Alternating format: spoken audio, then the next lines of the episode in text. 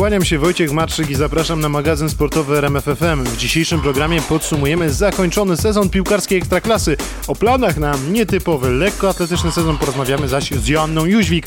Na koniec zajrzymy jeszcze do siatkarzy Werwy Warszawa, którzy przygotowują się do sezonu oraz do Szczyrku, gdzie trenuje reprezentacja Polski siatkarek. Zapraszam. Za nami najdłuższy i chyba najbardziej nietypowy sezon piłkarskiej Ekstraklasy. Mistrzem po raz 14 w historii została Legia Warszawa. Srebrne medale odebrali piłkarze Lecha Poznań, a brąz zdobyli zawodnicy Piasta Gliwice. Ja cały sezon postanowiłem podsumować z Dariuszem Dudkiem, byłem szkoleniowcem m.in. Zagłębia Sosnowiec. Dzisiaj naszym gościem jest Dariusz Dudek, były trener m.in. Zagłębia Sosnowiec. Witam cię serdecznie. Witam, dzień dobry. Za nami sezon ekstraklasy, wszystko wiemy, wszystko jasne. Legia po raz 14 mistrzem Polski, Lech Poznań wicemistrzostwo, Piast Gliwice trzecie miejsce. I właśnie na początek chciałem Cię zapytać o Piasta Gliwice, czyli o miejsce, które dobrze znasz, bo też y, pracowałeś tam jako mm, asystent. Y, zdziwiony jesteś tym trzecim miejscem dla Piasta? Nie, myślę, że nie. Myślę, że w tej chwili akurat Piast, y, który zajął właśnie trzecią lokatę w Ekstraklasie, myślę, że to jest adekwatne miejsce dla dla tego zespołu w tym sezonie. Myślę, że e, mimo wszystko Legia i Lech e, pokazały charakter, pokazały to, co mają najlepszego, a więc e, młodzież. Ja jestem pod wrażeniem pracy i Włukowicza, trenera i Darka Żurawia, zresztą z którym miałem okazję dwa lata pracować, pracować uczyć się na, na, na kursie UEFA Pro. W jednej ławce siedzieliśmy, więc szczególnie e, podglądałem chociażby e, Lecha.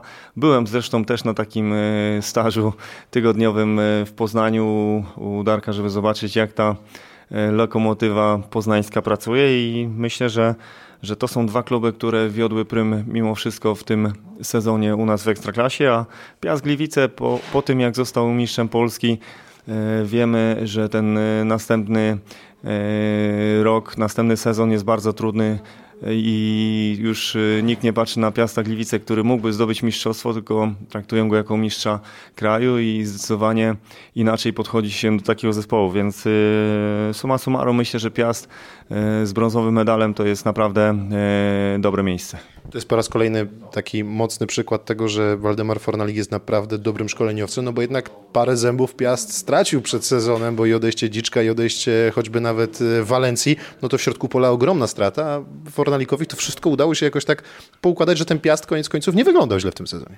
Na pewno trener Fornalik to jest trener, który potrzebuje zaufania, potrzebuje czasu i ja jeszcze pamiętam niedawno był to trener, który w ostatniej kolejce się utrzymał w meczu z Termaliką i włodarze klubowi zostawili trenera Fornalika. Wiemy, jak później historia Piasta się potoczyła. Myślę, że, że jest to trener na lata.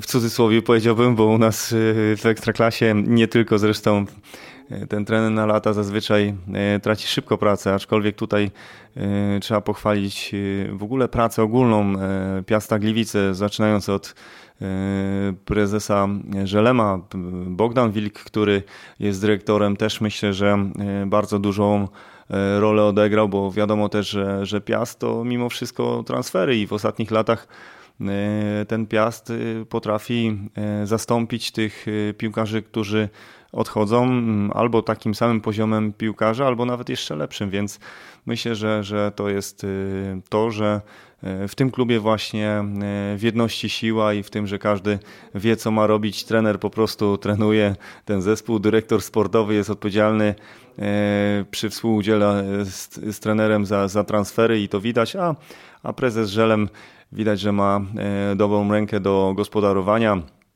Jest tam też potężna firma na czele z właścicielem, panem Kałużą, więc no, myślę, że to jest fajnie poukładane z miastem. Teraz jeszcze tylko brakuje mi w Gliwicach takiej z prawdziwego zdarzenia akademii, gdzie, gdzie przede wszystkim musiałaby się tam poprawić też infrastruktura dla tej młodzieży. No, przejdźmy teraz do tych miejsc wyżej. Legia Warszawa przez długą część sezonu, no, trzeba powiedzieć, nie zachwycała, krótko mówiąc, ale mm, jakoś to trenerowi Wukowiczowi udało się poukładać, w czym też chyba mam wrażenie duża pomoc młodych zawodników, bo pewnie przed sezonem nikt by nie powiedział, że Karbownik może odegrać taką rolę w Legii. Tak, jak najbardziej. Myślę, że tutaj Legia podobnie e, jak Lech zresztą e, Poznań. Trener Wukowicz e, niedawno jeszcze w jednym z wywiadów tych pierwszych Zresztą teraz są dosyć często cytowane jego słowa, że, że mówił, że u nas w zespole muszą być zawodnicy, którzy lubią za i wykropkujemy to. Postawił na, na takich zawodników, którzy najpierw zaczynają od biegania, a później od grania przy jakości transferowych, które dokonano w tym klubie, widać, że, że ci zawodnicy nie tylko potrafią przyjąć i podać piłkę, ale również dużo biegają i e, widać, że jest tam e, bardzo duża e, konkurencja. To jest jedna rzecz. Druga rzecz, że jest bardzo dobra atmosfera w zespole Legii, w której ostatnio no nie zawsze tak było i tutaj na pewno zaczyna się to od trenera Wukowicza kończy się na wszystkich tych piłkarzach i, i wszystkich pracownikach klubu. I to widać, myślę, że teraz był taki trudny okres, ponieważ y, wiadomo, że była ta pandemia i nie, nie zawsze do końca było wiadomo, kto jak y, przygotuje zespół. Myślę, że Legii udało się to y, zrobić doskonale, stąd też 14 mistrz Polski. Znacie się dobrze z trenerem Wukowiczem, e, graliście przecież e, razem w Legii. Widzisz, że on się trochę zmienił jako trener, a jako piłkarz? Jak najbardziej. Ja myślę, że zresztą widać, jak w ostatnich e, latach e, trener Wukowicz e, ewoluuje jako, jako trener. Pamiętamy te początki, to, to był to trener, który skakał przy linii, krzyczał, wykrzykiwał różne rzeczy. W tej chwili on analizuje mecz, ogląda. Myślę, że, że bardzo dużo, często pomagał zespołowi, chociażby w dokonywanych zmianach.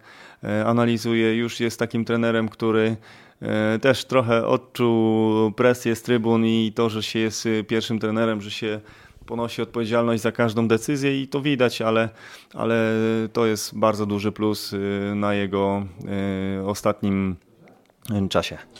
Lech Poznań to drużyna, która bardzo dużo może zawdzięczać zdecydowanie w tym sezonie swojej szkółce piłkarskiej, bo patrząc na tych młodych zawodników, wspartych doświadczonymi, chociażby nawet Gytkierem, który jednak no, został najlepszym strzelcem e, tego sezonu, pokazał ładną piłkę, szczególnie w tej grupie mistrzowskiej, nie przegrywając żadnego spotkania. Pewnie jeszcze 3-4 miesiące temu, czy przed pandemią, mało kto wierzył w to, że Lech może utrzymać serię siedmiu meczów bez porażki. Tak, ja myślę, że tutaj o Lechu to mogę mówić e, bardzo długo i pewnie nie starczyłoby nam czasu, żeby e, akurat Lecha pochwalić. Tak jak powiedziałem, e, bardzo dobrze znam się z trenerem Żurawiem. Tam drugim trenerem też jest Łukasz Becela, który robi świetną też robotę jako, jako drugi trener i miałem okazję właśnie być tam chociażby by na tydzień, zobaczyć jak funkcjonuje też drugi zespół, Akademia E, jest tam trener Ulatowski w tej chwili jako dyrektor Akademii i trener drugiego zespołu, ale e, ja będąc tam na tym tygodniowym e, powiedzmy takim stażu widziałem tą pracę i to nie jest przypadek, że Lech w tej chwili myślę, że mimo wszystko ma najlepszą akademię bo widać, że, że oni potrafią wziąć piłkarza młodego, potrafią tego piłkarza jakby przenieść z tej piłki takiej juniorskiej do tej seniorskiej i to doskonale udało się Darkowi Żurawiowi, który wiemy w tej chwili jakie ma notowania Moder, Puchacz, Jóźwiak, Gumny. To są właśnie piłkarze, którzy e, wcześniej już dawali sygnały trenerowi, że potrafią grać w piłkę, że mimo wszystko, że są młodzi, potrafią e, zapanować nad tymi wszystkimi stresami, emocjami i, i to dzisiaj dobrze funkcjonuje i to przede wszystkim punktuje, bo pokazało Chociażby to, że e, Lech zajmuje dzisiaj drugą e, pozycję w lokacie wicemistrz Polski, a jeszcze niedawno Lech e, był na dziewiątym miejscu i to pokazuje, że jednak ci młodzi piłkarze, jeżeli tylko głowa funkcjonuje tak jak należy i jest trener, który potrafi ich wprowadzić do zespołu, to może to przynieść efekt. Ja jestem ciekawy, jak będzie w przyszłym sezonie, bo to, to będzie jakby weryfikacja tych wszystkich e, zadań, czynności, e, tych wszystkich treningów z tymi młodymi w tym roku. Myślę, że właśnie ten przyszły sezon pokaże, czy czy oni robią ciągle progres, czy to mimo wszystko był przypadek? Lech dla Ciebie już wiem, jest największym takim zaskoczeniem pozytywnym. A kto Cię negatywnie zaskoczył w tym sezonie, patrząc na, na, na cały przekrój wszystkich gier? No, myślę, że w tej pierwszej grupie mistrzowskiej no, więcej się spodziewałem po Jagiellonii, bo Jagiellonia to był taki zespół, który y, chociażby prowadzony przez y, trenera Probierza wcześniej gdzieś budowany na początku, mimo wszystko zawsze gdzieś tam bił się chociażby o tą czwartą lokatę. Trener Mamrot też w tych ostatnich latach no, pokazywał, że ta Jagiellonia gdzieś tam puka E, żeby doskoczyć do tej trójki, zawsze gdzieś balansowała na, na, na tym trzecim, czwartym miejscu, a dzisiaj wiemy, że Jagiellonia jest na ósmym miejscu, duże rotacje, zmiana trenera, e, to wszystko nie pomagało w tym e, czasie temu klubowi właśnie zabrakło takiej stabilizacji myślę, że to jest taka też przyczyna jedna, czy z wielu przyczyn, że Jagiellonia jest dzisiaj na ósmym miejscu.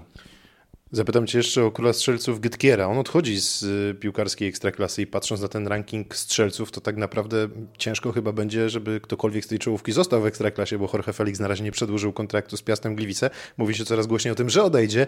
E, Angulo odchodzi z Górnika Zabrze, więc ta trójka najlepszych strzelców ekstraklasy odchodzi, więc takiego polskiego snajpera trochę brakuje, bo najlepszy z Polaków, niezgoda, 14 bramek, ale on już pół roku w tej lidze nie gra. Tak no na pewno tutaj wiemy, że Gytkier, Angulo czy Felix są to obcokrajowcy i zazwyczaj jest tak, że tych y, ludzi, którzy potrafią e, z tą piłką zrobić dużo w polu karnym i być skutecznym napastnikiem, no niestety musimy w ostatnich latach ściągać e, z zagranicy. Ja patrzyłem na Getkiera, jak on pracuje na treningach.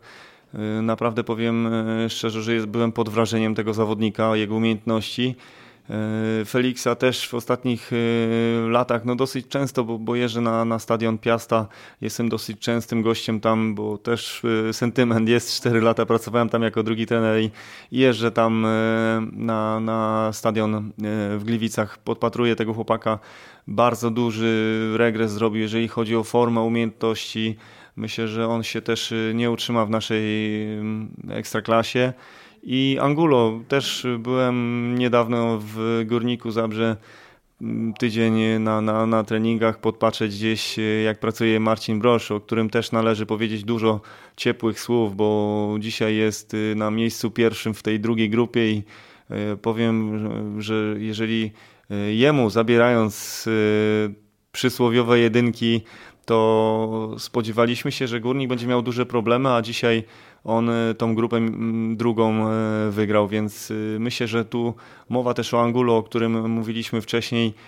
Jest to taki typowy snajper, bardzo duże umiejętności, jeżeli chodzi o umiejętności techniczne i on górnika w wielu spotkaniach ciągnął za uszy, że tak powiem i, i to on dawał te trzy punkty, ale tam na niego pracował cały zespół. To ewidentnie trener Brosz w swoich wywiadach też podkreślał, że w jedności siła, on jakby kończył te wszystkie akcje i tutaj no na pewno będziemy musieli poszukać. Ja myślę, że Lech, Legia mają już takich snajperów gdzieś w swoich notatnikach i myślę, że za chwilę dowiemy się o transferach e, tych nowych ludzi, nowych napastników i że będzie jakiś e, jeden obcokrajowiec pewnie, który będzie miał dużo tych bramek, ale ja jako, jako Polak, jako trener tutaj chciałbym, żeby e, dołączył do nas jakiś napastnik, e, który jest Polakiem i strzeli przynajmniej te 20 bramek w sezonie. W Lechu mocno liczą na już pozyskanego Iszaka, który mecz e, ostatniej kolejki oglądał nawet z trybun. Podobna historia jak z Getkierem. Nieudane trochę przygoda w drugiej Bundeslidze i wraca trochę, żeby się odbudować teoretycznie za niewielkie pieniądze mm, zawodnik, który parę lat temu był kreowany no, na wielką postać w Bundeslidze. Nie udało się, więc trochę znowu ta polska liga dla odbudowania. No myślę, że na pewno my jako e, Polska jesteśmy dobrym takim e, rynkiem, żeby odskoczyć, e, żeby pokazać się w Europie, że, że u nas można w cywilizowanym kraju na fajnych stadionach, bo wiemy, że, że ta ekstraklasa to jednak już jest wysoki poziom i nie tylko, nie tylko stadiony, ale w ogóle całe zaplecze. Mamy już dużo tych akademii w Krakowie.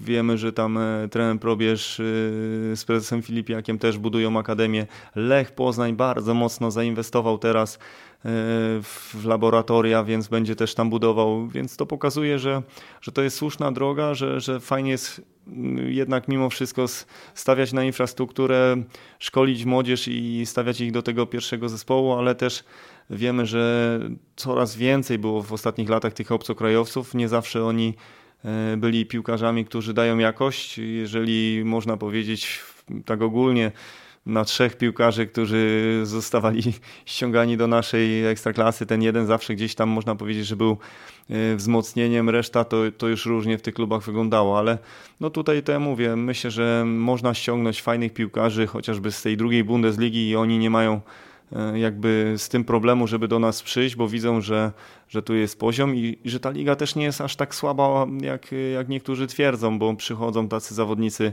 e, z wysokim CV, a nie zawsze grają. E, Trochę przeszliśmy do tej Europy, no właśnie, te trzy zespoły już wiemy, będą nas reprezentować w europejskich pucharach, dołączy do nich jeszcze Krakowia lub Lechia, zależy kto wygra Puchar Polski w piątek. E, jak ty patrzysz na te europejskie puchary? No bo jednak od lat to jest zawód dla, dla naszej ligi, bo no, trzeba powiedzieć, że nie napawają nasze kluby radością w, w Europie. Myślisz, że Legia, Lech czy Piast, który już ma doświadczenie z zeszłego sezonu i to takie bardzo przykre, e, myślisz, że mogą coś, coś ugrać, coś udziałać? Tym bardziej to też będzie bardzo, bardzo dziwne będą te kwalifikacje, bo nie ma meczów rewanżowych. UEFA zdecydowała, że z powodu pandemii i takiego braku czasu będą rozgrywane do trzeciej rundy po jednym spotkaniu, więc problemem moim zdaniem może być dla polskiego klubu na przykład wyjazd do Kazachstanu na jeden mecz, e, gdzie wiemy, że tam gra się zawsze trudno. Ja nie ukrywam, że tutaj powiem szczerze, że zawsze liczę na takie zespoły jak Legia i Lech, bo są to zespoły, które y, nie patrzą y, tylko na to, żeby najlepszego piłkarza sprzedać, wręcz y, nawet powiedziałbym odwrotnie, że jeżeli gramy już w tych pucharach, to inwestujemy w nowych zawodników i trochę tutaj Piast Gliwice, pod tym względem zresztą my byliśmy też z trenerem Broszem kiedyś w Gliwicach, mieliśmy okazję zagrać w pucharach z Karabachem Magdam, E, pamiętny też dla nas mecz, e, fajne doświadczenie, ale, ale powiem w ten sposób, że, że na przykład Piast, no dzisiaj nie, nie powinniśmy mówić o tym, że Felix odchodzi, czy ci najlepsi piłkarze odchodzą, tylko że Piast kogoś kupuje i stara się w tych pucharach grać jak najdłużej, bo to przecież oni nas reprezentują na arenie tej europejskiej. I tutaj akurat, no mówię, e, Legia, Lech to, to są zespoły, które ja mam nadzieję, że, że potrafią i będą potrafiły w tym jednym meczu zwyciężyć przynajmniej w tych pierwszych trzech rundach. Natomiast Piast i tak jak mówiliśmy, Krakowia albo Lechia bo to się dopiero okaże w piątek. Zobaczymy, który z tych zespołów e, będzie grał w naszych e, europejskich pucharach. To są takie zespoły właśnie, które e, fajnie by było, żeby nie, nie uszczuplały tej kadry, tylko się wzmacniały, ale wiemy, że ekonomia jest jedna i, i musi być zachowany ten balans, więc no tutaj jeżeli się uda, to się uda, jeżeli nie, to nie i myślę, że tak, tak do tego podchodzimy. Aczkolwiek każdy wygrany mecz naszych zespołów w tej Europie E, dodaje nam punktów. E, myślę, że, że to jest też dla nas ważne ostatnio i, i też no mimo wszystko, jeżeli zespół e, polski grałby w, przynajmniej w czwartej już tej rundzie, w rundzie grupowej, no to, to już daje sygnał, że no tam jest Europa, tam można grać w pucharach. Jeżeli Cypr jest w stanie dać dwa, trzy zespoły w europejskich pucharach w grupie, to myślę, że Polska podobnie. Aczkolwiek Patrząc jeszcze na te kontrakty tych piłkarzy, możemy mówić wiele, ale taki zespół z Karabachu, chociażby Agdam, o którym wspomniałem, czy nawet zespoły e, cypryjskie, no płacą zdecydowanie więcej tym piłkarzom, stąd też są właśnie w europejskich pucharach. Twoim zdaniem Legia Lech, e, które gdzieś tam typujesz do tego, że coś mogą zdziałać w pucharach, potrzebują jeszcze takich poważnych wzmocnień? Jeżeli potrzebują, to, to gdzie byś widział te miejsca, gdzie, gdzie naprawdę ta gra ich wymaga poprawy i ściągnięcia jakiegoś solidnego zawodnika? Jak najbardziej bardziej. Ja myślę, że każdy z tych trenerów będzie optował za tym, żeby przede wszystkim bardzo mocno wzmocnić zespół. Y, tu myślę, że nie odkryję jakiejś y, takiej sytuacji, w której na przykład Olechu czy, czy Olegi, no myślę na przykład Olegi, pozycja bramkarza. Wiemy, że w tej chwili Majecki odszedł y, z tego zespołu. Myślę, że Legia przede wszystkim musi ściągnąć bardzo dobrego bramkarza. Myślę, że Legia potrzebuje dobrego napastnika, bo wiemy, jakie mają problemy e, z kontuzjami i Pekard i, i Kante, którzy Sanogo, zresztą trzeci napastnik, no mają, mają tam problemy swoje, więc myślę, że tutaj na pewno należy szukać wzmocnień Lech, y, jeżeli odejdzie Gytkier, no to przede wszystkim wiadomo, że napastnik jest tutaj bardzo potrzebny. Ja myślę, że w Lechu też jest potrzebna jedna szóstka. Taki zawodnik 6-8, bo, bo, bo tam gra sam Tiba. Różnie jest teraz bardzo dobrze, zresztą gra y, Moder, któremu kibicuję, bo, bo jakiś mam sentyment dla tej młodzieży. czy Puchacza Tymka, czy, czy Modera, czy, czy Jóźwia Gumny. To są właśnie ludzie, którzy no, wydaje mi się, że że dają kolorytu tej lidze i fajnie się na nich patrzy, więc tutaj też myślę, że Lech taką szóstkę, ósemkę potrzebował, żeby wzmocnić ten, ten zespół, aczkolwiek ja tutaj mogę sobie mówić, tam są trenerzy, mają zdecydowanie lepsi trenerzy ode mnie i to oni sobie już na pewno dobiorą tak zawodników, żeby, żeby w tych pucharach wygrywać. I prezesi, bo to oni o pieniądzach decydują. Jak najbardziej prezesi tutaj możemy powiedzieć, że to oni muszą zajrzeć do sakiewki i wydać chyba no, spore sumy. Tak jeszcze pytając Cię na koniec, y, Patrzysz na ten tył tabeli, Spadkowicze, Korona, Arka, ŁKS. Spodziewałbyś się przed sezonem, że akurat te trzy zespoły pożegnają się z Ekstraklasą. Chciałem cię też zapytać, tak już łącząc trochę to pytanie, bo to też trudna rola dla wszystkich szkoleniowców, no bo trzy zespoły spadające z ligi to jest jednak e, no, no, no, duży problem. Na pewno duże obciążenie, jeżeli chodzi o psychikę i o stres dla tych trenerów. Ja nie ukrywam, że UKS Korona czy Arka, ja jeszcze wcześniej mówiłem o Wiśle Kraków, że to będą cztery zespoły, które prawdopodobnie pożegnają się z naszą ligą i no za dużo się nie pomyliłem. Wisła wyszła z tych wszystkich kryzysów, można powiedzieć, i finansowych, i organizacyjnych. Widać tam e, dużą pracę Kuby Błaszczykowskiego, od którego tam można powiedzieć wszystko się tam zaczęło E, kiedy on przyszedł, to, to zaczęło się dziać lepiej, o tak może. Na pewno jeszcze mają sporo problemów, dużo kłopotów, ale, ale Wisła to jest zespół, który ma swoją historię, ma swoich kibiców, którzy nie pozwolą, aby ten e, klub upadł i to było widać. Natomiast y, tu, tak jak mówię, kibicowałem zawsze Górnikowi Zabrze, mm, nawet z tego względu, że mieszkałem w Knurowie. Druga rzecz, tam jest Marcin Brosz, trenerem, z którym się przyjaźnimy. Wiedziałem, że górnik sobie poradzi w tych y, problemach. Bardzo fajną pracę Marek Papszun wykonał w Rakowie Częstochowa i widać, że tam e, wszystko współgra. Mi się podoba w ogóle model prowadzenia e, Rakowa Częstochowa, gdzie jest jeden właściciel, e, pan Świerczewski, który ma swojego trenera, zaufał mu i trener Papszun może robić tak naprawdę wszystko, co potrzebuje, ale to jest bardzo widać dobra praca.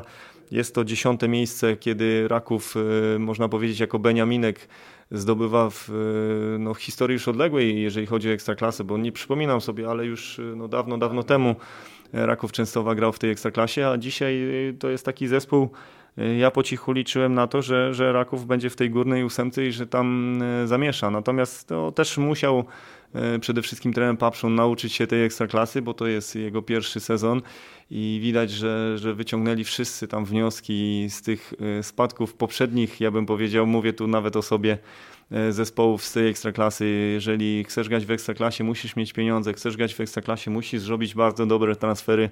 Mówię to o Beniaminkach, było to widać też po ŁKS-ie, chociażby w tym sezonie i no tutaj myślę, że, że te trzy zespoły było wiadomo, że, że będą miały trudno, e, żeby się utrzymać. Tak jeszcze myślę, Zagłębie Lubin jest to zespół, który mimo wszystko z takim budżetem powinien być w tej pierwszej ósemce, a niestety się tam nie znalazł. To odwracając trochę pytanie, Nowi Beniaminkowie, pod Beskidzie Bielsko-Biała Stal Mielec, realia pierwszoligowe znasz e, bardzo dobrze. Jak oceniasz te dwa zespoły? To faktycznie będą mocni zawodnicy w ekstraklasie i mogą trochę namieszać. No, dwa zespoły, które też długo czekały na powrót. No, 4 lata pod Beskidzia nie było w ekstraklasie i tam właściwie przez te 4 lata cały czas pracowano na ten awans, bo oni w zeszłym roku też byli blisko awansu, a Stal Mielec to już w ogóle 24 lata. E, no, uznana firma w Polsce, dwukrotny mistrz Polski w końcu.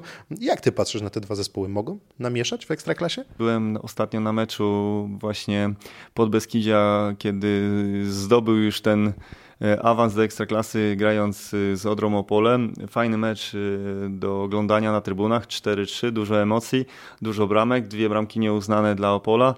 I myślę, że, że to mecz ten chociażby pokazał pewnie trenerowi Brede, któremu gratuluję awansu, że tam są konieczne wzmocnienia. Fajnie przez y, jakby cały ten, ten rok y, ostatni było widać, że, że jest tam sumienna, solidna, systematyczna praca, że trener dostał duże zaufanie od zarządu, bo też y, chciałbym na pewno bardzo pogratulować całemu zarządowi Podbeskidzia, ale też prezesowi bo, bo tam naprawdę w ostatnich latach też różnie się działo, a od momentu, kiedy przyszedł Bogdan Quist, to, to widać, że, że tam też wszystko to współgra i widać to po wyniku. Ja przed sezonem zakładałem, że będzie i Mielec i e, Podbeskidzie awansowało. Wszyscy pytali też o tą Wartę, ale ja też wiem jak się gra w tej drugiej rundzie i Warta nie udźwignęła E, być może to było spowodowane koronawirusem, ale, ale nie udźwignęła jakby też tej presji, że musi zrobić awans. I myślę, że teraz no, na pewno fajny jest ten e, system jakby awansów, jeżeli chodzi o tą trzecią drużynę, bo wiemy dobrze, że wszyscy grają o coś, nie ma tam zespołu. No może teraz już wiadomo, Wigry Chojniczanka spadły, ale każdy jeszcze może i spać, tam połowa drużyny jeszcze mogła awansować. Także fajny, fajny ten e, system e, dla ludzi, ale dla kibiców, natomiast dla, dla tych wszystkich trenerów naprawdę taka e, sytuacja, w której muszą się z tygodnia na tydzień mocno sprężać, żeby no nie mieć jakiegoś kryzysu, bo to mogłoby spowodować, że dostaniesz się no, w otchłań, że tak powiem. I tutaj naprawdę chylę e, czoła zespół Podbeskidzia w przekroju całej tych dwóch rund e, zdecydowanie zasłużył na awans. Jeżeli chodzi o Mielec też tam wiemy, że trener Skowronek odszedł, duże przetasowania, e, przychodzi trener Marzec, w miarę to fajnie poukładał, zażegnał z początku ten kryzys. Dzisiaj cieszą się z awansu. E, zobaczymy jeszcze w ostatniej kolejce, kto będzie grał w barażach, bo wiemy, że praktycznie trzy zespoły, tam Warta, Radomiak czy e, Mieć Legnica już e, są pewne tych baraży. Jeszcze walczą chyba trzy zespoły o, o tą szóstą lokatę. Najbliżej jest Termalice, która też, no powiem szczerze, ostatnio fajne mecze powygrywała z Wartą, z Miedzianką i, i wskoczyły, wskoczył ten zespół na szóstą lokatę, dającą jeszcze prawo do tego, żeby myśleć o ekstraklasie, ale jeszcze jedna kolejka została. E, Termalika gra z Odrą Opole, więc taki też ciężki mecz. E, biją się tam jeszcze dwa zespoły, żeby do tej szóstki dołączyć. Dlatego też fajna jest ta pierwsza liga. Dużo zespołów to są już naprawdę zespoły z piłkarzami e, ekstraklasowymi i myślę, że dla kibiców na pewno taki patrząc, jeżeli chodzi o produkt, to myślę, że ta pierwsza liga też jest dobra, tym bardziej, że Polsat E, dosyć e, często pokazuje praktycznie wszystkie mecze, więc fajnie, mam nadzieję, że, że to przyniesie jakąś e, jakość, efekt w postaci nowych Polaków, piłkarzy młodych, którzy grają w tej pierwszej czy drugiej lidze i będą mogli doskoczyć do ekstraklasy. Mówisz, te baraże fajne dla kibiców, a dla trenerów to problem, bo to jednak mocno wydłuża sezon i to w takim miejscu, gdzie jest się o co bić, bo nie wierzę w to, że Warta Poznań, która jednak liderowała przez długi czas e, w pierwszej lidze, e, nagle powie, nie, nie, odpuszczamy te baraże, nie chcemy awansować. No tak, to jest duży problem, jeżeli chodzi nawet o przygotowanie takiego zespołu pod kątem patrząc motorycznym, bo wiemy, że ekstraklasa już skończyła, dzisiaj zawodnicy dostają krótkie urlopy, ten okres teraz y, urlopowy będzie zdecydowanie krótszy, y, natomiast y, no, pierwsza liga jeszcze tydzień gra, potem baraże, praktycznie sezon przedłużony o dwa tygodnie i no, będzie miał zdecydowanie ten Beniaminek, który wejdzie trzeci do tej ekstraklasy, na pewno będzie miał spore problemy z tym, żeby przygotować, wyregulować jakby formę fizyczną tych zawodników, bo to będzie bardzo trudny sezon dla takiego zespołu. Będzie obciążający nie tylko psychicznie, ale też przede wszystkim fizycznie i każdy z tych zawodników będzie musiał dostać urlop, żeby się po prostu trochę zregenerować. Nie da się ciągle grać jeden sezon po drugim. I tutaj ten początek będzie na pewno dla takiego Baniamenika bardzo, bardzo trudny. Podczas igrzysk w Rio de Janeiro zajęła piąte miejsce w biegu na 800 metrów. Później oczekiwania zweryfikowały kontuzję. Joanna Jóźwik zdołała jednak odbudować formę i myśli o starcie na kolejnych igrzyskach.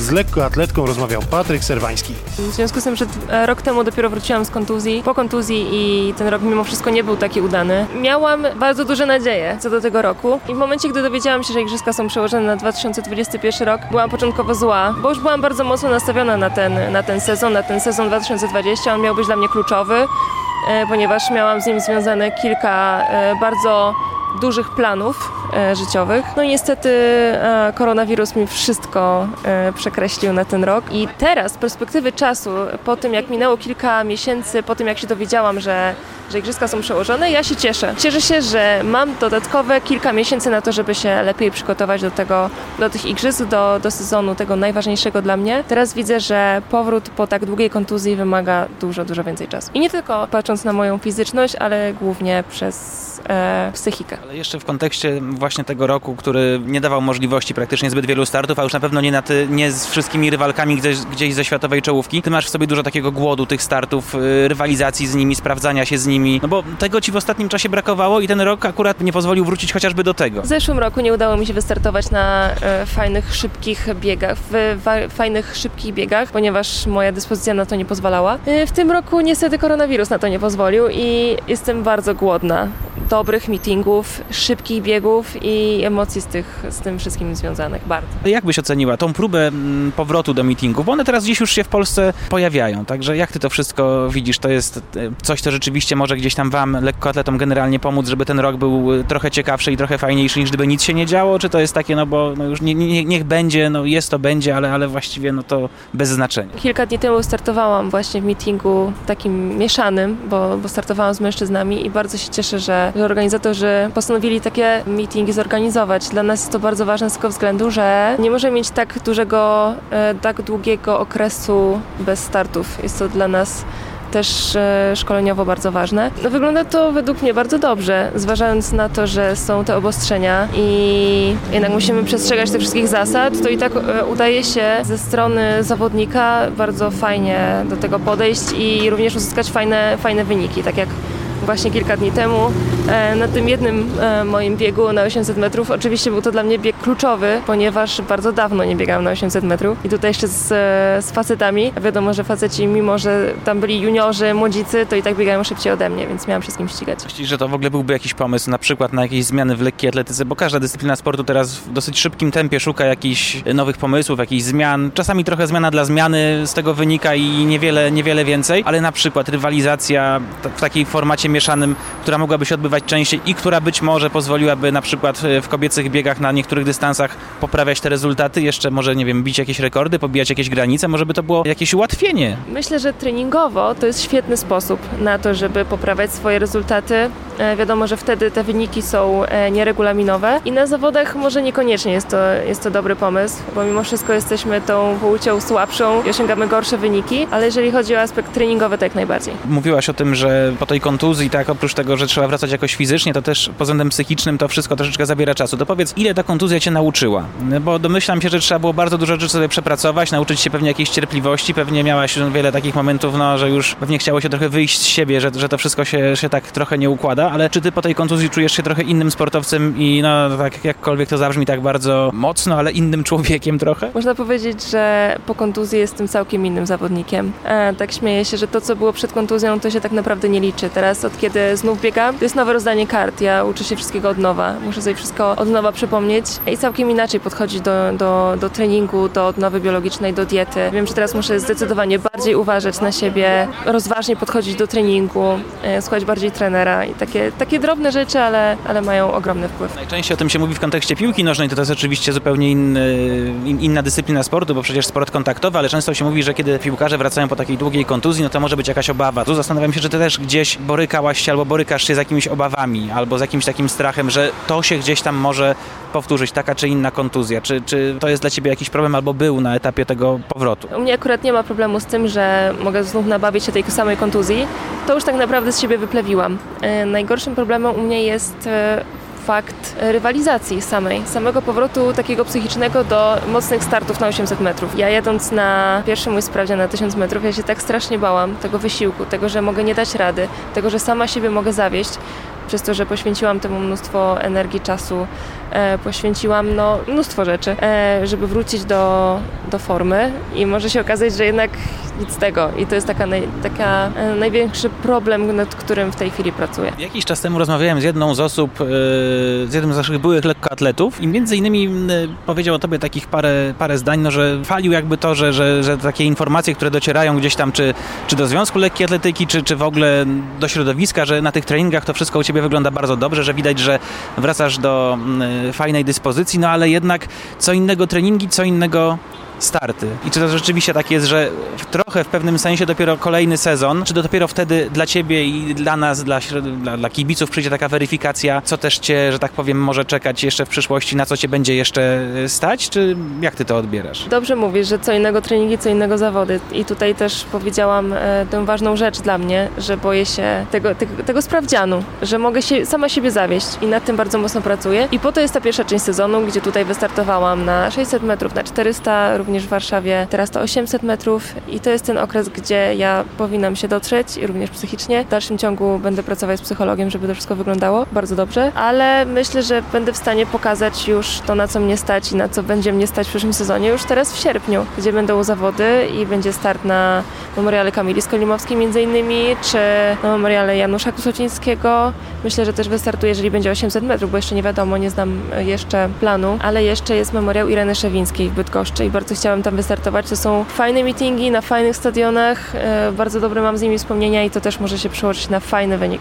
Tak, jeszcze troszeczkę doprecyzuję to pytanie, albo zadam je też e, w nieco innym kontekście.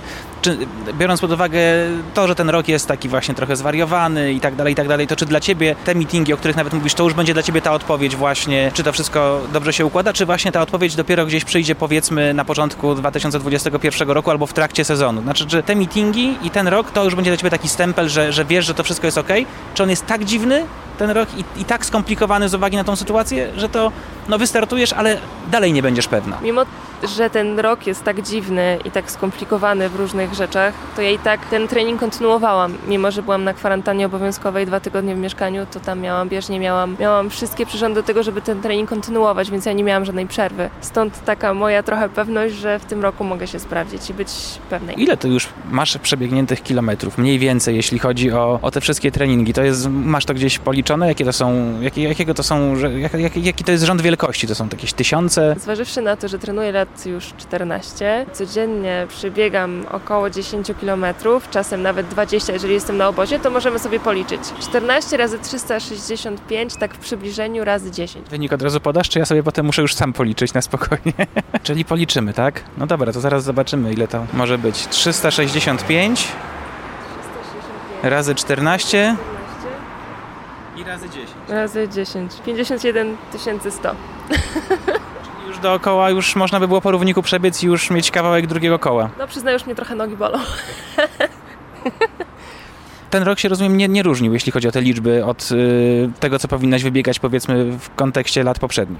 Nie, kompletnie się nie różni. Oprócz tego, że jesteś no, aktywnym sportowcem i tak dalej, to coraz bardziej dzielisz się też tym swoim doświadczeniem. Y, widziałem, że ruszyły już zapisy na chyba drugą edycję Twojego kampu. To jest taka rzecz, y, która zrobiła się teraz niezwykle modna wśród naszych byłych sportowców czy obecnych, żeby dzielić się tym doświadczeniem. No właściwie bardzo wielu z Was decyduje się na takie akcje, czy dla sportowców amatorów, czy dla dzieciaków. Powiedz, jaki był y, Twój pomysł? Dlaczego się na to zdecydowałaś, żeby mm, y, w taką formę też gdzieś y, wejść i swój czas poświęcić? Od wielu, wielu lat dostaję mnóstwo wiadomości od młodych dziewczynek, od kobiet, że jestem dla nich inspiracją, że one widzą we mnie mnóstwo energii, którą czerpią nawet patrząc w ten ekran i, widząc moje zdjęcia na Instagramie, czytając posty na Facebooku i tak dalej, i tak. I to było też e, dla mnie bardzo mocną motywacją do tego, żeby coś takiego stworzyć i móc z tymi osobami po prostu przebywać na co dzień i przekazać mnóstwo też doświadczenia związanego z bieganiem, jak mm, profesjonalnie do tego podejść. Wiadomo, zaczynając bieganie, żeby się od razu nie zniechęcić, a żeby to była fajna przygoda sportowa. Trochę odwracając to pytanie, czy też możesz się nauczyć, albo w poprzedniej edycji nauczyłaś się czegoś od tych y, uczestniczek, bo być może są jakieś cechy, które można zauważyć i które mogą być dla Ciebie czy inspiracją, czy, czy coś Ci pokazać jednak y, w sporcie, bo zakładam, że no, każdy z nas może się czegoś nauczyć, nawet w takich sytuacjach, w których byśmy się tego być może nie spodziewali. No wiadomo, że za każdym razem, jak poznaje się nową osobę, to um, dostaje się nowe doświadczenie. Jest też ta wymiana e, energii i to jest bardzo motywujące, jak również um, dowiaduje się o ich historiach, o tym, dlaczego chcą zacząć biegać itd., tak itd. Tak jak ty widzisz swoje cele i takie plany? Będę już myślał o tym kontekście kolejnego roku. Czy ty chciałabyś się zobaczyć znowu e, w olimpijskim finale, czy chciałabyś powalczyć o medal i czy biorąc pod uwagę no, to, z czym musiałaś sobie poradzić w tym okresie, nazwijmy go pomiędzy Rio a obecnie? Czy to wszystko wydaje Ci się możliwe do zrealizowania? Jak bardzo możliwe do zrealizowania? Czyli to takie trochę pytanie o taką Twoją wiarę w siebie, a z drugiej strony takie obiektywne spojrzenie na swoje możliwości i na to, co jeszcze możesz do tego wszystkiego dołożyć. No więc obiektywnie patrząc na to, co prezentuję na treningach, na to, co prezentuję również po współpracy z psychologiem, czyli na to, jak e, reaguję na ten trening mentalny, na to, jakie mam doświadczenie po przebyciu kontuzji i jak powinnam postępować, to myślę, że mam bardzo duże szanse na to, żeby znów wrócić na, na te odpowiednie tory i znaleźć się na tym miejscu, co byłam w, w Rio. Zastanawiam się, czy będzie Ci trochę łatwiej, czy trudniej w tym kontekście, że no oczywiście pamiętamy świetny występ z Rio, ale mamy takich sportowców, którzy powiedzmy przez ten czas utrzymywali się gdzieś, chociażby lekkoatleci na, na cały czas gdzieś w okolicach tego topu i pewnie będziemy ich wymieniać e, tam za ileś miesięcy w kontekście tej walki o finał, być może o medal. Będziemy gdzieś pompować ten balonik. No właśnie, Ty teraz będziesz wracać gdzieś znowu troszeczkę z takiego drugiego szeregu, więc powinno być Ci znowu trochę łatwiej, tak jak, tak jak trochę w Rio. To dla Ciebie, z tego co rozumiem, dobra sytuacja. Tak, ja bardzo nie lubię presji i źle ją znoszę w dalszym ciągu się jej uczę, jeżeli ona jest. Jadąc na Mistrzostwa Europy do Pragi um, miałam presję, nie zdobyłam medalu. Jadąc do Rio byłam osobą kompletnie niebraną pod uwagę, wróciłam z piątym miejscem, więc mam nadzieję, że to akurat będzie dobrym aspektem. Jeżeli za jakiś czas będziemy tworzyć listę potencjalnych medalistów, to ciebie tam nie, um nie umieszczać cię w żadnym wypadku. Kompletnie nie. Siatkarze Werwy Warszawa Orlen Paliwa przygotowują się do rozpoczynającego się w piątek turnieju siatkówki plażowej Prezero Grand Prix. W kadrze zespołu doszło do sporych zmian. Przed sezonem e, do drużyny dołączyli m.in. Artur Szarpuk, ale także dwójka atakujących Michał Superlak i Jakub Ziobrowski. Obaj będą walczyć o miejsce w wyjściowej szóstce. O presji i walce o miejsce w składzie z Michałem Superlakiem rozmawiał Patryk Serwański. Ważna e, pozycja atakującego, dwóch nowych atakujących w Werwie Warszawa. Powiedz, jak ty mm, się czujesz z tym, co tutaj trzeba będzie, że tak powiem, znieść, bo będzie dużo większa e, presja na wynik, no i też na to, żeby te punkty udawało się zdobywać. Więc jakie jest Twoje nastawienie na początku przygotowań do nowego sezonu? E, bardzo dobre. Cieszę się, że będzie większa presja, bo, bo to motywuje do cięższej pracy i do, i do lepszej gry, więc jak na pewno, jak najbardziej to jest e, na plus i, i bardzo się z tego cieszę i z optymizmem wchodzę w te przygotowania. Także. Ten pierwszy okres, pierwsze jakby no spotkanie, poznawanie się z drużyną w nieco innych realiach niż będąc po drugiej stronie siatki, jak to wszystko u Ciebie przebiegało? Bardzo dobrze, nie znałem tej większości chłopaków tak osobiście, tylko gdzieś tam wiadomo z boiska, ale, ale przebiegło to bez problemu i tutaj naprawdę w zespole jest bardzo dobra atmosfera, co widać po tych chłopakach, którzy zostali i, i teraz jak przyjechali chłopaki z kadry, więc więc jak, jak najbardziej jest wszystko, wszystko super. Jeśli chodzi o to, mm, o wyjściową szóstkę, wiem, że tego czasu jeszcze sporo, ale no, ta twoja rywalizacja o bycie tym atakującym numer jeden myślę, że też będzie ciekawa, no bo obaj jesteście w nowym środowisku, w nowej drużynie, przychodzicie y, będąc w swoich poprzednich klubach trochę w innych, w innych sytuacjach. Jak do tego podchodzisz, do tej rywalizacji o ten wyjściowy plac, tak to nazwijmy? Myślę, że to, taka rywalizacja motywuje do, do, do pracy i mnie i, i Kubę, więc i, I, ja i on myślę, że na tym tylko możemy skorzystać, bo, bo będziemy wzajemnie swoją postawą, myślę, motywować się do lepszych treningów i a trener wybierze, kto po prostu będzie lepiej wyglądał i, i to jego w tym głowa ponieważ stęskniliśmy się troszeczkę za tą klubową rywalizacją, będziemy mieli taką namiastkę i my, i wy w postaci tej e, takiej letniej ligi rozgrywek na plaży. To też takie coś, co będzie myślisz e, fajne, żeby trochę już się nastawić znowu na rywalizację, bo tego brakowało, takiego nastawienia nawet na to, że no gdzieś trzeba się skupić. Okej, okay, no to może nie są najważniejsze rozgrywki, ale jakiś tam prestiż przecież będzie. E, na pewno, na pewno fajnie, że będzie jakaś rywalizacja, bo, bo jest to też jakaś odmiana od, od, od tej zwykłej, normalnej siatkówki, ale zobaczymy jak to wyjdzie w praniu. Na razie staramy się wymyślić, jak, jak w ogóle powinniśmy grać w tą, w tą dyscyplinę, więc, więc zobaczymy, zobaczymy tak naprawdę w praniu, bo, bo z tego co wiem nie będziemy już za dużo na piachu trenować, bo musimy zacząć trenować normalnie na hali i przygotowywać się do sezonu.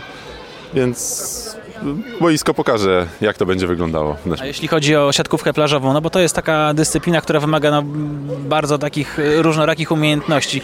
W tej siatkówce halowej, nazwijmy ją, no każdy z Was ma jakąś swoją pozycję, to się wiąże y, z jakimś wytrenowaniem trochę mocniejszym pewnych umiejętności. No na plaży trzeba oczywiście spróbować wszystkiego. No tutaj będziecie grać inaczej, bo to będzie czterech zawodników na boisku, ale czy Ty gdzieś wplatasz y, w przerwach między sezonami trochę takiej typowej siatkówki plażowej gdzieś w ramach y, relaksu czy lekkiego treningu? E, tak, na pewno, jeżeli jest tylko okazja, to, to staram się gdzieś tam wyjść na piach pograć, właśnie w ramach jakichś tam powiedzmy przygotowań do, do tego e, okresu już przygotowawczego w klubie i, i na pewno gdzieś staram się mm, w tym okresie powiedzmy wakacyjnym w wolnym czasie, jak tylko uda się gdzieś tam zebrać kilku chłopaków, to, to staram się coś tam pograć. Na koniec zaglądamy jeszcze do Szczyrku, gdzie do meczu towarzyskiego ze Szwajcarkami przygotowują się nasze siatkarki. Zawodniczki przed pierwszym spotkaniem z Czeszkami wybrały także nową panią kapitan. Została nią Julia Twardowska. Ja postanowiłem z Julią porozmawiać o tym, czy funkcja kapitana bardziej motywuje, czy przeszkadza. Rola kapitana, bo nie powiem opaska, przeszkadza, pomaga. E, to bardziej był taki demokratyczny wybór, czy przed trenerem Nawrocki mówi, ty będziesz rządziła. E, miałyśmy takie spotkanko, gdzie mm, każda miała mm, podać swój wybór i e, miałyśmy wspólnie zadecydować. E, padło na mnie, potem jeszcze trenerzy zatwierdzili tą decyzję, więc no, taki demokratyczny wybór. Czy przeszkadza? Oczywiście, że nie. To jest ogromne wyróżnienie dla mnie. Mam nadzieję, że do tej pory spisuje się bardzo dobrze i tak zostanie. No więc bardzo się cieszę. Często się mówi, że kapitan jest takim trochę przedłużeniem trenera w szatni. Masz takie poczucie? No na pewno jestem tą osobą, która dużo rozmawia z trenerem w sprawach organizacyjnych i w, jestem takim łącznikiem między szatnią a trenerem. Mhm. Czyli taki starosta grupy, można powiedzieć, gdzieś na studiach. No taki starosta, taki przewodniczący klasy, też można tak powiedzieć. A trudno jest pogodzić charaktery dziewczyn z tym, jak nie wiem, musicie podjąć na przykład jakąś decyzję i ty potem idziesz z nią jako kapitan do trenera, to trudno jest pogodzić tam charaktery dziewczyn i zdania? E, no jak do tej pory muszę przyznać, że jakoś mi się udaje e, pogodzić te charaktery. E, muszę powiedzieć, że charakterologicznie ta grupa jest bardzo zbliżona. Mamy zbliżone charaktery i często zgadzamy się w tym samym, więc no na razie mam łatwe zadanie. Nie, nie było żadnych poważniejszych sporów, które byśmy mogły, musiały jakoś naprawiać. Pomaga to też, że gdzieś się wszystkie jednak znacie, w mniejszych grupach bądź większych, no bo tu część dziewczyn razem w juniorskich kadrach, niektóre znacie się z drużyn, z klubów. No na pewno to pomaga. Nie musiałyśmy poznawać siebie od początku, od nowa. Przyjeżdżając tutaj na kadrę, praktycznie znałam wszystkie dziewczyny, może gdzieś tam te najmłodsze, które jeszcze y, grają w juniorkach, to musiałam się z nimi zapoznać, więc jak najbardziej to, że, że się znamy z ligi, y, pomogło nam w tym, żeby y, bardzo szybko się zgrać, bo tego czasu na zgranie było bardzo mało te 10 dni przerwy, nie 10 dni, 10 dni było gdzieś? 10 dni, dobrze pamiętam. 10 dni przerwy trochę pomogło oczyścić głowę od siatkówki, no bo jednak zafiksowanie ciągle na zgrupowaniu na jednym to też chyba nie pomaga czasem. E, bardzo pomogło. Początek zgrupowania te, tej pierwszej części byłyśmy tutaj zamknięte w czterech ścianach przez koronawirusa. Więc no, po takim dłuższym przebywaniu ze sobą 24 na dobę, to mm, ta przerwa bardzo się przydała. Każdy mógł się zresetować, odpocząć i też widzi się, że każdy jest na wakacjach. My tu ciężko pracowałyśmy, e, więc też tak, taka chwila wolnego to dla nas była bardzo, bardzo przyjemna. Właśnie, bo tego czasu na urlopy no, nie będziecie miały za dużo, bo właściwie po tym meczu ze Szwajcarkami zakończycie zgrupowania i wracacie do klubów już do no, przygotowań do nowego sezonu. Tak, myślę, że po sezonie reprezentacyjnym e, odpoczynku już nie będziemy mieć, tylko prosto pojedziemy do klubów. No ale to było 10 dni wolnego, więc e, w poprzednich latach, e, kiedy odbywały się zgrupowania, te, tej przerwy było jeszcze mniej, więc nawet te 10 dni starczyły, żeby się zresetować. To jak spędziłaś te 10 dni?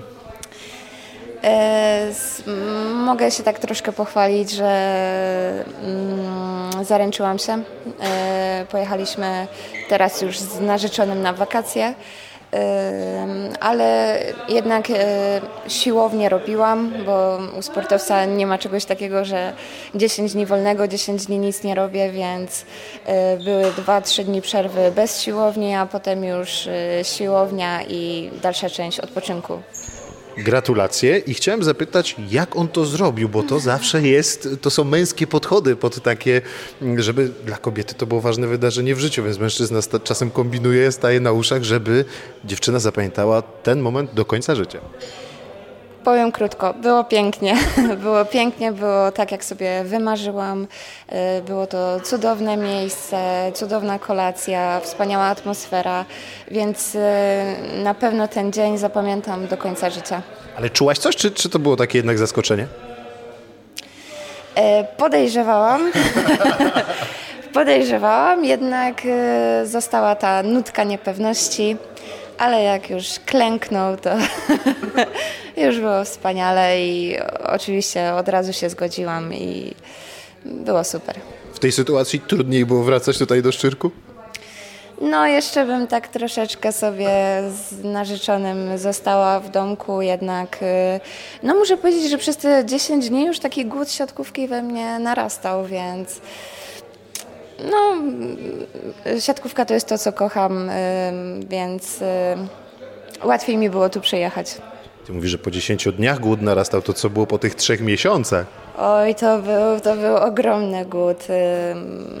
Sąsiedzi wyzywali, bo odbijałam cały czas piłkę w domu, więc no, straszny głód i głód siatkówki, ale też głód takiego dbania o siebie, bo wiadomo, siłownie były zamknięte i była też taka obawa, jak, jak do tej formy wrócę, więc y, wszystko, co miałam w domu, gumy, obciążenia, y, też narzeczony mi pomagał jakoś y, robić ćwiczenia, które normalnie robię y, na siłowni, więc no, troszkę się ruszałam, ale no mówię, ten głód do siatkówki, do siłowni był naprawdę wielki. Teraz jakieś takie macie konkretne cele na te zgrupowanie? No bo jednak macie już jakiś trochę materiał, nad którym możecie pracować, bo te mecze z Czeszkami bardzo dobre, mm, ale pewnie gdzieś tam są jeszcze elementy do poprawy, no bo e, bądźmy szczerzy, no nie był to też mecz o Mistrzostwo Świata. E, No na pewno każda z nas ma taki cel indywidualny, żeby em, odpracować, e, wypracować sobie formę na przyszły sezon klubowy.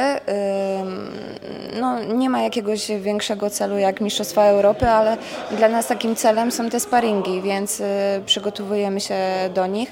E, w- meczach w sparingowych z Czeszkami było dużo debiutów, więc też to było dla dziewczyn wielkie przeżycie. No i jako teraz ten główny cel stawiamy sobie sparingi ze Szwajcarią, do której się przygotowujemy. Ale będzie to też waszą przewagą, mam wrażenie, kiedy przyjedziecie już do klubów, bo wy będziecie już tak naprawdę w pełni przygotowane i mogłybyście wejść już właściwie normalnie w sezon. No mogłybyśmy wejść, jednak y, jest taki czas jeszcze na przygotowanie się, więc no tego przygotowania się do sezonu klubowego będziemy mieć naprawdę bardzo dużo i no faktycznie no będziemy w troszkę lepszej formie niż pozostałe dziewczyny. No je- jednak tutaj dwa miesiące przepracowane, e, dziewczyny musiały radzić sobie same. No więc mamy ten handicap. A w tym wydaniu magazynu sportowego to już wszystko. Na kolejny zapraszam serdecznie już za tydzień.